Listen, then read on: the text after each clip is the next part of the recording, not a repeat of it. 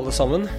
Nå er det påske, og vi feirer sammen de gode nyhetene om at Jesus sto opp fra de døde. Fantastisk. Men jeg tror at vår tro framstår som nokså uforståelig for mange mennesker i dag.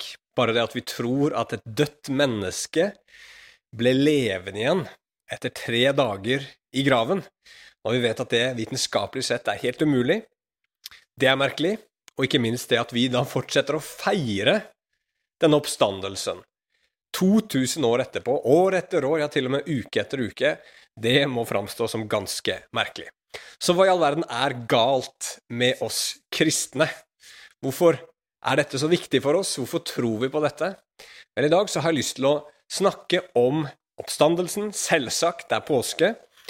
Eh, og vise at det er mer, det er så mye mer enn en unormal hendelse. Det er selve vendepunktet i historien over alle historier, som også er tittelen min i dag. Og for å vise hva jeg mener med det, så skal vi snakke for det første litt om hvorfor vi mennesker forteller historier. Så skal vi se på at det finnes en historie bak alle disse historiene som vi forteller og hva som er den sanne historien. Så i dag så går vi til Lukas kapittel 24, og så skal vi lese fra vers 13 til 32 om noe som skjedde etter Jesu oppstandelse.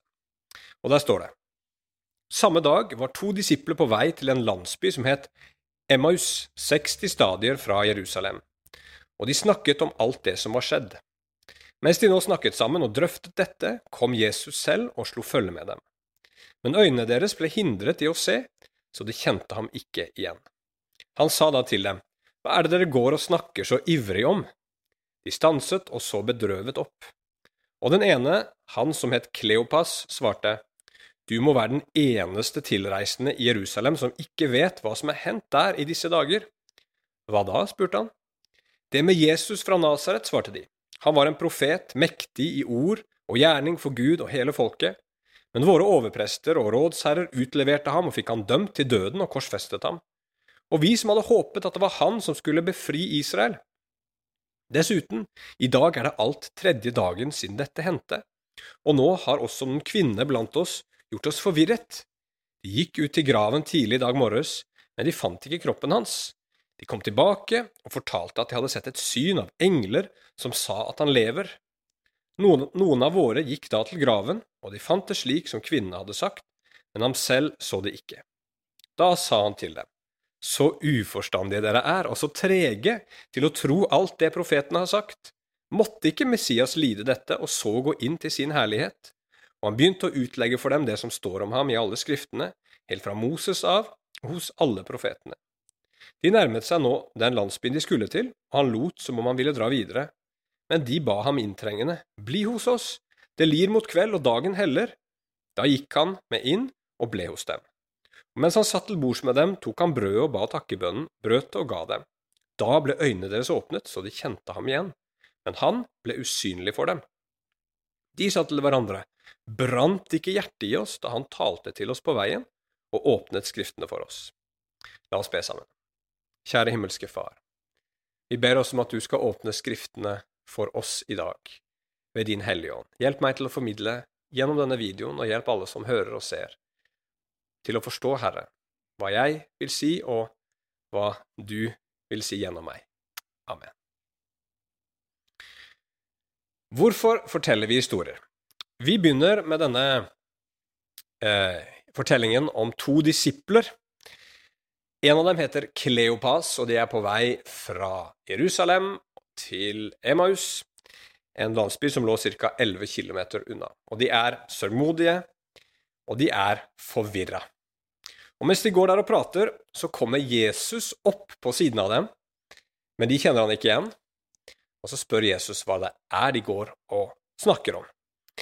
Eh, og de svarer med å fortelle en historie.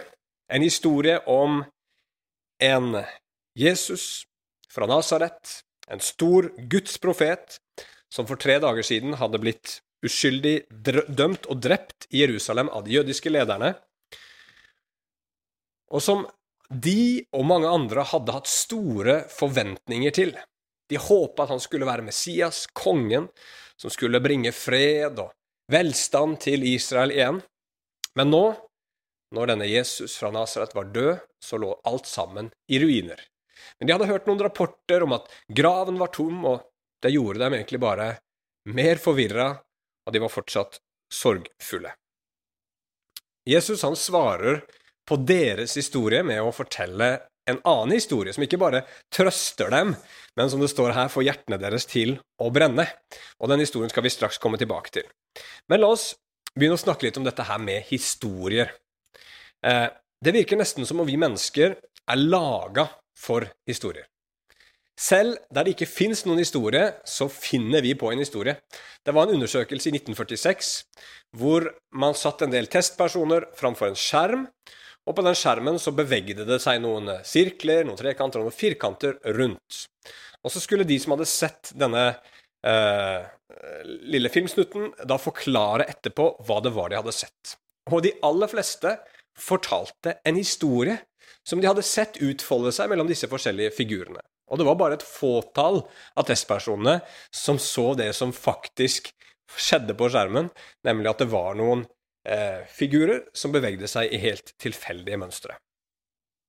Vi er laga for historier, og derfor så er alle kulturer gjennomsyra av historier. Det kan være religiøse fortellinger som sier noe om hvor vi kommer fra, og hvordan verden har blitt til og sånt. Det kan være moralske fortellinger som sier noe om hvordan vi bør og skal leve. Men ikke nok med det. Ditt liv, mitt liv, er innhylla i historier. Så fort du blir kjent med en person og kommer litt under huden, så vil du etter hvert oppdage, litt etter litt, bruddstykker av en historie som du får høre.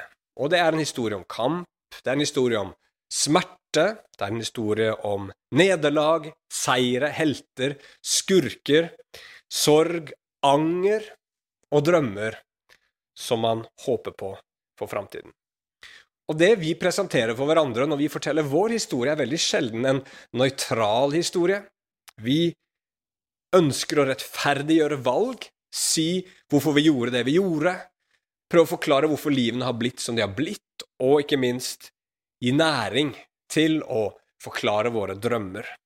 Og ofte når vi forteller vår egen historie, så framstiller vi oss selv som en slags helt.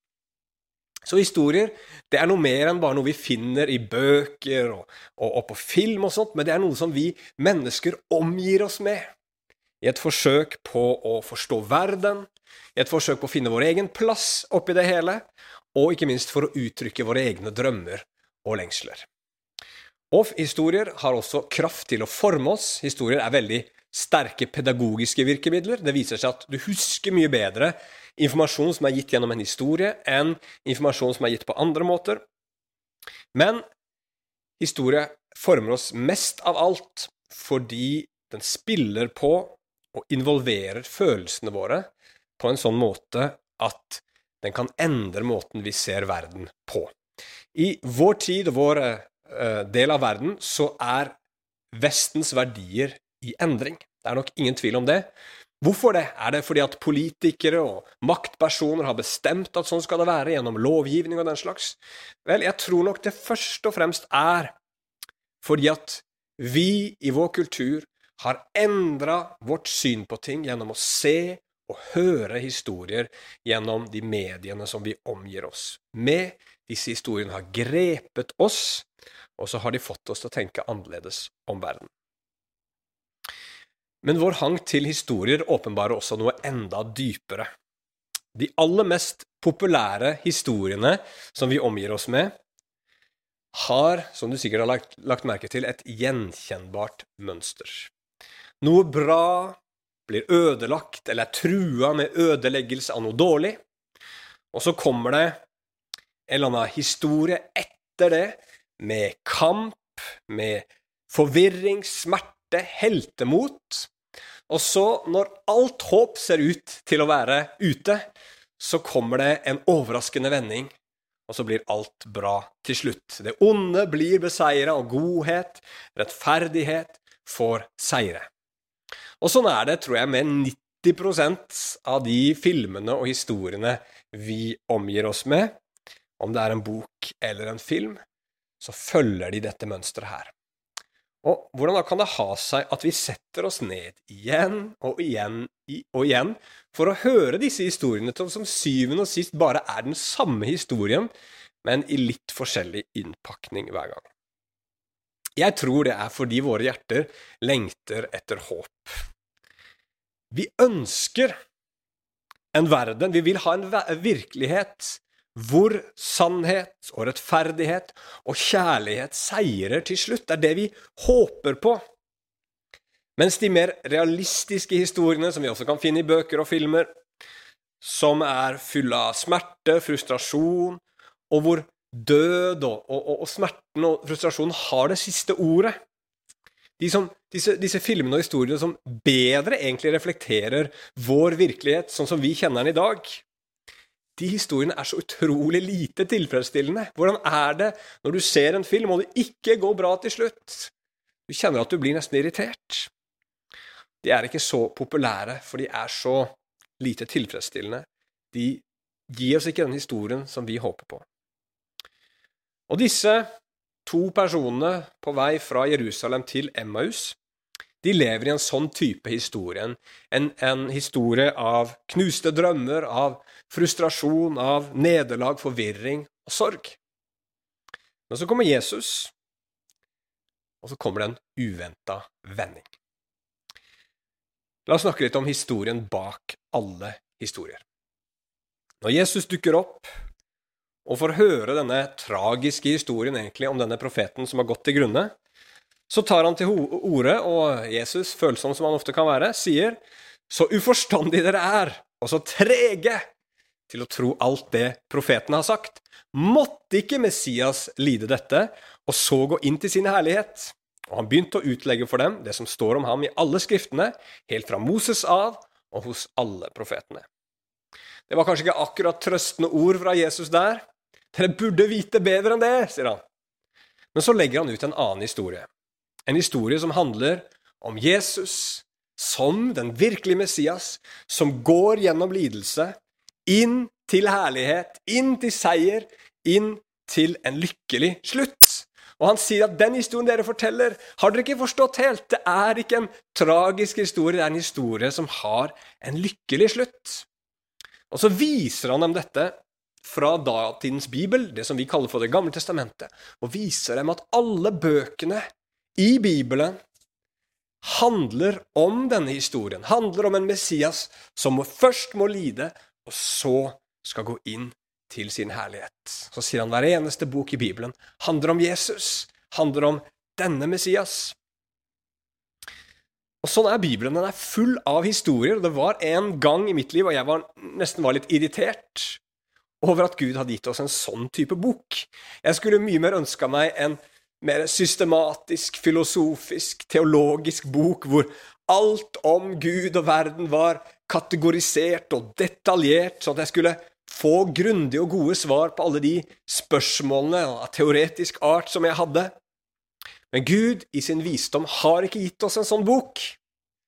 Han har gitt oss noe mer enn bare informasjon for å tilfredsstille vårt intellekt. Selv om Bibelen for all del ikke skorte på det heller. Det er nok for eh, vise hoder og grunne på å, å tenke gjennom når det gjelder Bibelen.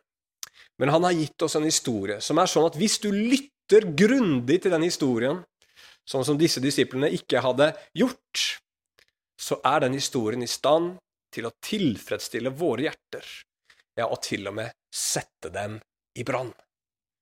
Hvordan skjer det? Jo, fordi at Bibelen forteller historien bak alle andre historier. Med andre ord, den svarer til de lengslene og håpene og forventningene vi har, og som ligger bak alle våre fortellinger. Og som Jesus her forteller, så er det han som har nøkkelen, og som er nøkkelen til den fortellingen. Så hva slags historier er det vi forteller?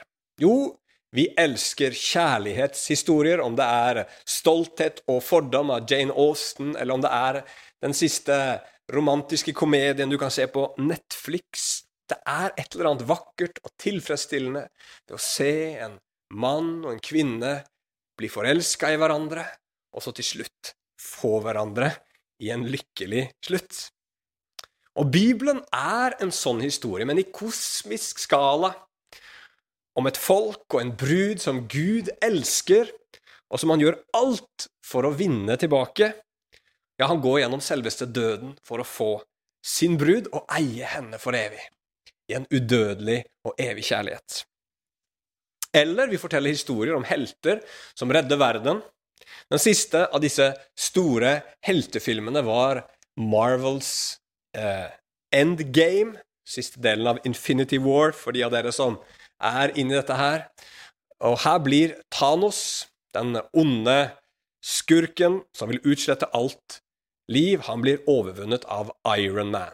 Hvordan skjer det? Jo, Doctor Strange Altså, hvis ikke du har sett det, så, så er det ikke så lett å forstå alt. Men Doctor Strange, da, han har sett inn i framtiden, og han har utforska 14 605 muligheter for hvordan man kan stoppe denne onde Thanos, og funnet ut av bare én mulig løsning. Og det er den som filmen viser oss, nemlig at Iron Man ikke bare overvinner Thanos, men han gjør det ved å gi sitt liv. Han gjør det ved selv å dø. Og over 100 millioner mennesker gikk for å se denne filmen på kino. Hvorfor det? Jo, fordi at dypt inni oss så lengter vi etter en helt. Vi lengter etter noen som skal komme og redde oss fra ondskapen. Vi ønsker å se den seieren gjennom en film, gjennom en historie. Vi ønsker å erfare den. Og det Bibelen sier til oss, er at den historien som vi gjerne hører om igjen og om igjen, uh, Marvels Endgame er ikke spesielt original når alt kommer til alt, selv om den er veldig bra laga med masse effekter og den slags. Men den historien som vi lengter etter å høre, er den historien som påsken åpenbarer, oss, åpenbarer for oss, nemlig seieren. Helten som redda verden. Vi forteller andre historier, historier som Askepott, om den som er liten og uverdig, som blir løfta opp til kjærlighet og verdighet. Vi forteller historier om udyr som blir helbreda gjennom kjærlighet, sånn som i Skjønnheten og udyret. Vi forteller historier om hvor de skyldige, som har vært onde hele sitt liv, til slutt får sin lønn og rettferdigheten seirer, og da har du alt fra Greven av Monte Cristo til Kill Bill, som jeg ikke har sett, men jeg vet handler om det. Og så har vi masse filmer som handler om vår lengsel etter paradis, fred, skjønnhet og lykke. Om det er noe som vi har tapt, og som vi leter etter, men ikke finner, eller om det er noe vi finner i de gode, gamle eventyrene hvor eh, prinsen og prinsessa lever lykkelig alle sine dager. Og Bibelen forteller alle disse historiene som vi forteller gjennom sine små historier, men som alle sammen på en måte fortelles over samme lest. Den lesten som er hele Bibelens historie, egentlig. Som kan oppsummeres i fire ord. Først er det skapelse, paradis og harmoni. Så er det fall. Onde krefter kommer inn og ødelegger idyllen. Så er det redning, frelse. Gud bringer en redningsmann. Og så er det gjenopprettelse. Alt blir bra. Man får komme hjem, man får komme til det lovende land. Man får igjen komme inn i paradis. Disse fire punktene her, det er Bibelens fortelling. Det er de fortellingene vi også forteller oss. Forteller til hverandre. Og vi ser den historien om israelsfolket i Egypt, f.eks. Det var paradis, de fikk bo i Gosen, den mest fruktbare delen av landet, da Josef brakte Israel og familien sin dit. Og så kommer det en ond farao som ødelegger, bringer folket inn i undertrykkelse slaveri, og dreper barna deres. Og så ser Gud deres nød og sender dem en redningsmann, Moses, mann som blir ydmyka, men som blir brukt av Gud. Og gjennom han og et land som blir slakta, så blir folket brakt ut av slaveriet i Egypt. Og så sender Gud dem til et lovet land med melk og honning. Og så sier Jesus da, når han på en måte legger ut alle disse historiene fra Det gamle testamentet, alt dette her handler om meg. Jeg er oppfyllelsen av de bibelske historiene og den lengselen som ligger i ethvert menneskehjerte. Vi mennesker ble skapt nemlig for dypt fellesskap, storhet, skjønnhet i Guds paradis. Men så gikk det galt. Vi gikk vår egen vei, vi gikk bort fra Gud, som er selve livskilden, og så skapte vi for oss selv denne brutte virkeligheten som vi alle sammen er en del av, med smerte, sorg, konflikt, sykdom, forvirring, undertrykkelse, synd og død. Og så sier Jesus, midt i dette mørket så kommer jeg, for å redde mitt folk og for å redde deg. Så sier han, jeg kom for å være en bedre redningsmann enn Moses. Jeg kom for å frelse fra en større fare enn faraoen i Egypt. Jeg kom for å seire over synd og død og djevel. Jesus sier jeg kom for å være en bedre prest enn Aron og et bedre offer enn alle bukker og kalver og lam og okser som ble ofra i Det gamle testamentet, og som aldri kunne gjøre dem som ofra dem, rene. Jeg kom for å gi mitt eget blod, for å ofre meg selv som et fullkomment offer en gang for alle, sånn at du, som tror på meg, skal få bli rensa helt ren og stå uten frykt framfor en hellig Gud. Jeg kommer, sier Jesus, for å være en bedre konge enn David, som stadig svikta og som til slutt ble svak og døde. Jeg kommer for å være en evig konge som for alltid skal regjere og bringe fred over hele jorda. Og Jesus sier, 'Jeg kommer for å gi dere en bedre framtid' enn det lovede land som israelsfolket fikk komme inn i. Jeg kommer for å gjøre en slutt på all ondskap og dømme den. Og så skal jeg bringe en ny himmel og en ny jord, med fred, med glede og med rettferdighet, i all evighet. Og jeg gir det til alle som vil tro på meg, sier Jesus. Alle som vil tro at jeg døde for deres synder og sto opp igjen for å seire for deres skyld. Som vil stole på at jeg er Guds sønn, som er kommet for å gi mitt liv. Ja, for å bringe liv og overflod av liv til verden. Og vi får ta det imot som en gave, en gave av nåde. Og er det rart at disiplenes hjerter begynte å brenne? Men det som forandra alt, det som virkelig gjorde forskjellen, som gjorde at livet deres ble, ble forandra, det var da de så Jesus levende framfor seg. De skjønte at dette er ikke bare en vakker og en fin historie, men dette er en sann historie. Det var da det begynte et nytt liv for dem. Dette er den sanne historien. Og Så kan vi tenke ja, det er jo lett for de å tro. De så jo Jesus der levende foran seg. Hvordan kan jeg 2000 år senere vite at det er sant? Og det fins i hvert fall to svar på det. For det første så, som jeg har sagt mange ganger før, men jeg sier det igjen, det fins gode historiske grunner til å tro at Jesus faktisk sto opp. Og for det andre så kan du selv erfare en levende Jesus i dag. La oss begynne med det første. Da blir vi litt mer sånn intellektuelle her. Når en historiker skal si noe sikkert om hva som skjedde i fortiden, så benytter han seg av forskjellige typer metoder. For eksempel, hvis vi skal finne ut om slaget ved Hafrsfjord eh, fant sted i 875, sånn som vi har hørt fra historiebøkene, kanskje, og som var det slaget som gjorde at Harald Hårfagre lyktes i å samle Norge til ett rike, ja, da må vi prøve å finne historiske kilder for å sjekke det ut. Jo flere kilder vi har, og jo eh, tettere på det som skjedde disse kildene er, jo tidligere de er, jo bedre.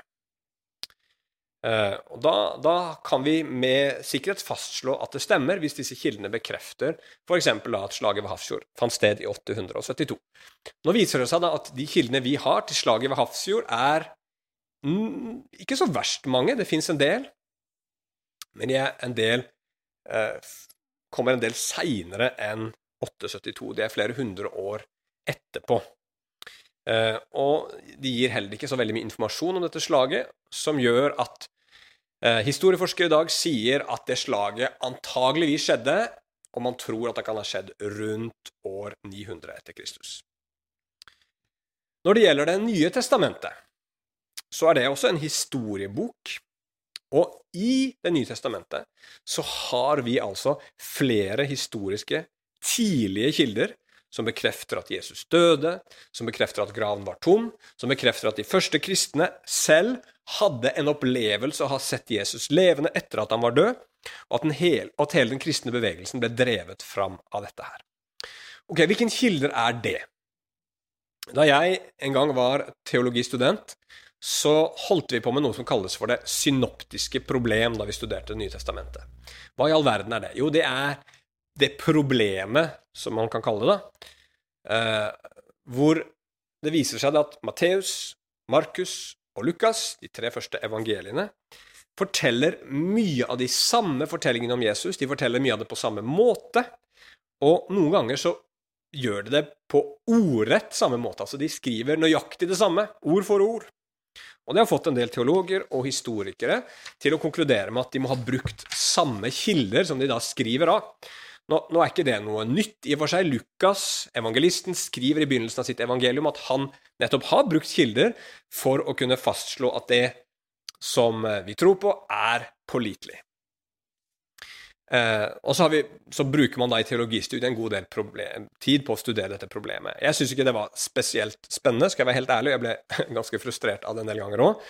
Men det har leda fram til noe veldig nyttig, nemlig at man har konkludert med at det finnes et sett med uavhengige historiske kilder bak Det nye testamentet som sammen, fordi de er uavhengige historiske kilder, gir oss ikke bare et eh, detaljert bilde, men et troverdig bilde av hva som faktisk skjedde i og rundt påsken for snart 2000 år siden. Og det har fått en eh, professor som heter Gary Habermas, doktorgrad, og som har forska mye på det her, til å si følgende Hvis du tror at Bibelen er Guds ord, så er konklusjonen at Jesus sto opp fra de døde.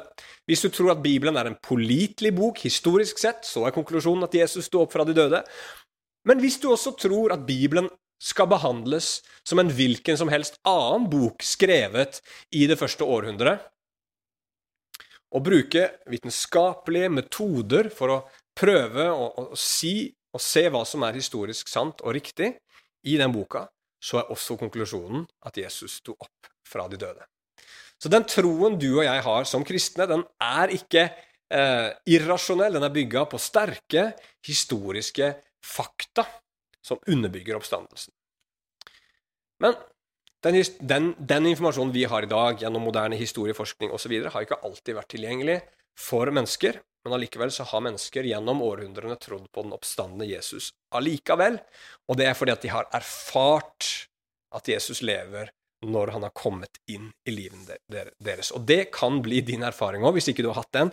Denne påsken her, hvordan da? Jo, gå til Bibelen.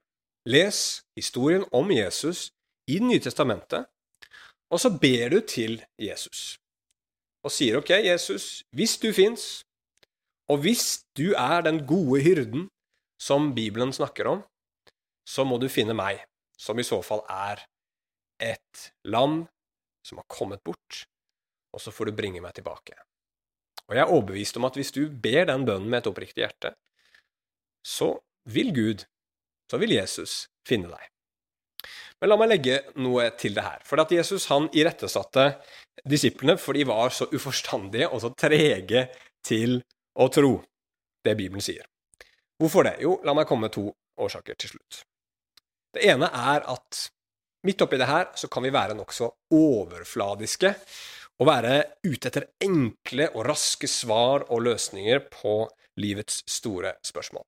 Hvis ikke jeg forstår Bibelen på fem minutter, og hvis ikke, jeg, eh, hvis ikke Gud kommer samme dagen jeg ber, ja, så får det bare være det samme.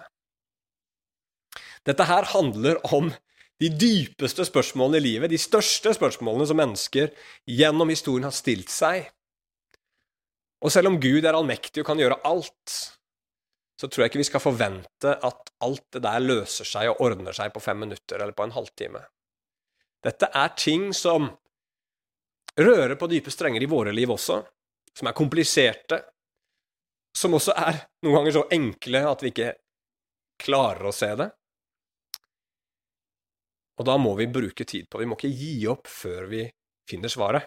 Og det var nok noe av det disiplene hadde gjort. De hadde lest Det gamle testamentet, men de hadde ikke virkelig tenkt etter. De hadde ikke brukt tid på å finne svar. Og for det andre så er det et lite problem med Bibelens budskap, nemlig at det sier noe som vi mennesker ikke liker så veldig godt.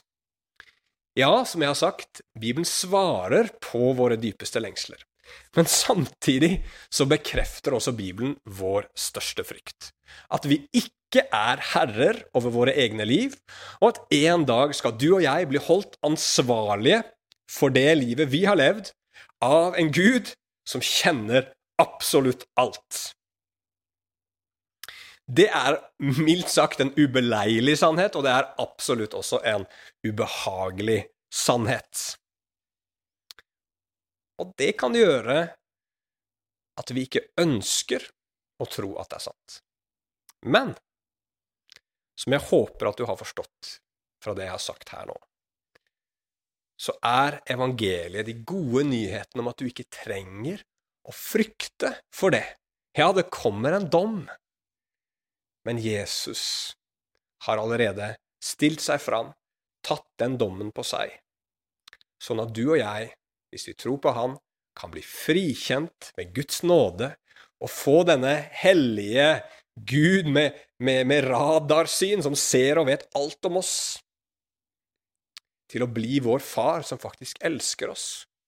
For så rene blir vi gjennom det Jesus gjorde for oss på Golgata. Derfor trenger vi ikke frykte Han. Det er en ubehagelig sannhet, men de gode nyhetene er at Jesus har betalt for våre synder. Og hvis du forstår dette her, så forstår du at den oppstandelsen som vi feirer nå i påska, er mye mer enn bare en isolert og litt sånn bisarr, merkelig hendelse. Det er oppfyllelsen av hele Bibelen, det som skjer på påskedagen, og det er også oppfyllelsen av alle våre dypeste lengsler som mennesker. Med andre ord så forteller oppstandelsen oss at historien over alle historier er sann, og at den har en plass og en rolle til deg.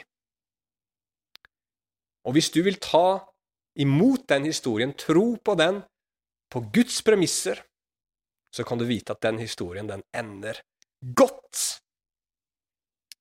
Kommer til å ende godt for deg. Den som tror på de gode nyhetene, han har en god framtid. Det er derfor vi kaller det for evangeliet, de gode nyhetene. Og Jeg har bare så lyst i dag at vi igjen skal tenke på denne fantastiske historien, og så skal vi leve oss inn i den og se vår plass i den, glede oss over den, og la den få bringe trøst i vår smerte, håp og dyp glede, og bringe oss inn i fellesskap, samfunn med bønn til Gud og lovprisning til Han. Gud velsigne deg.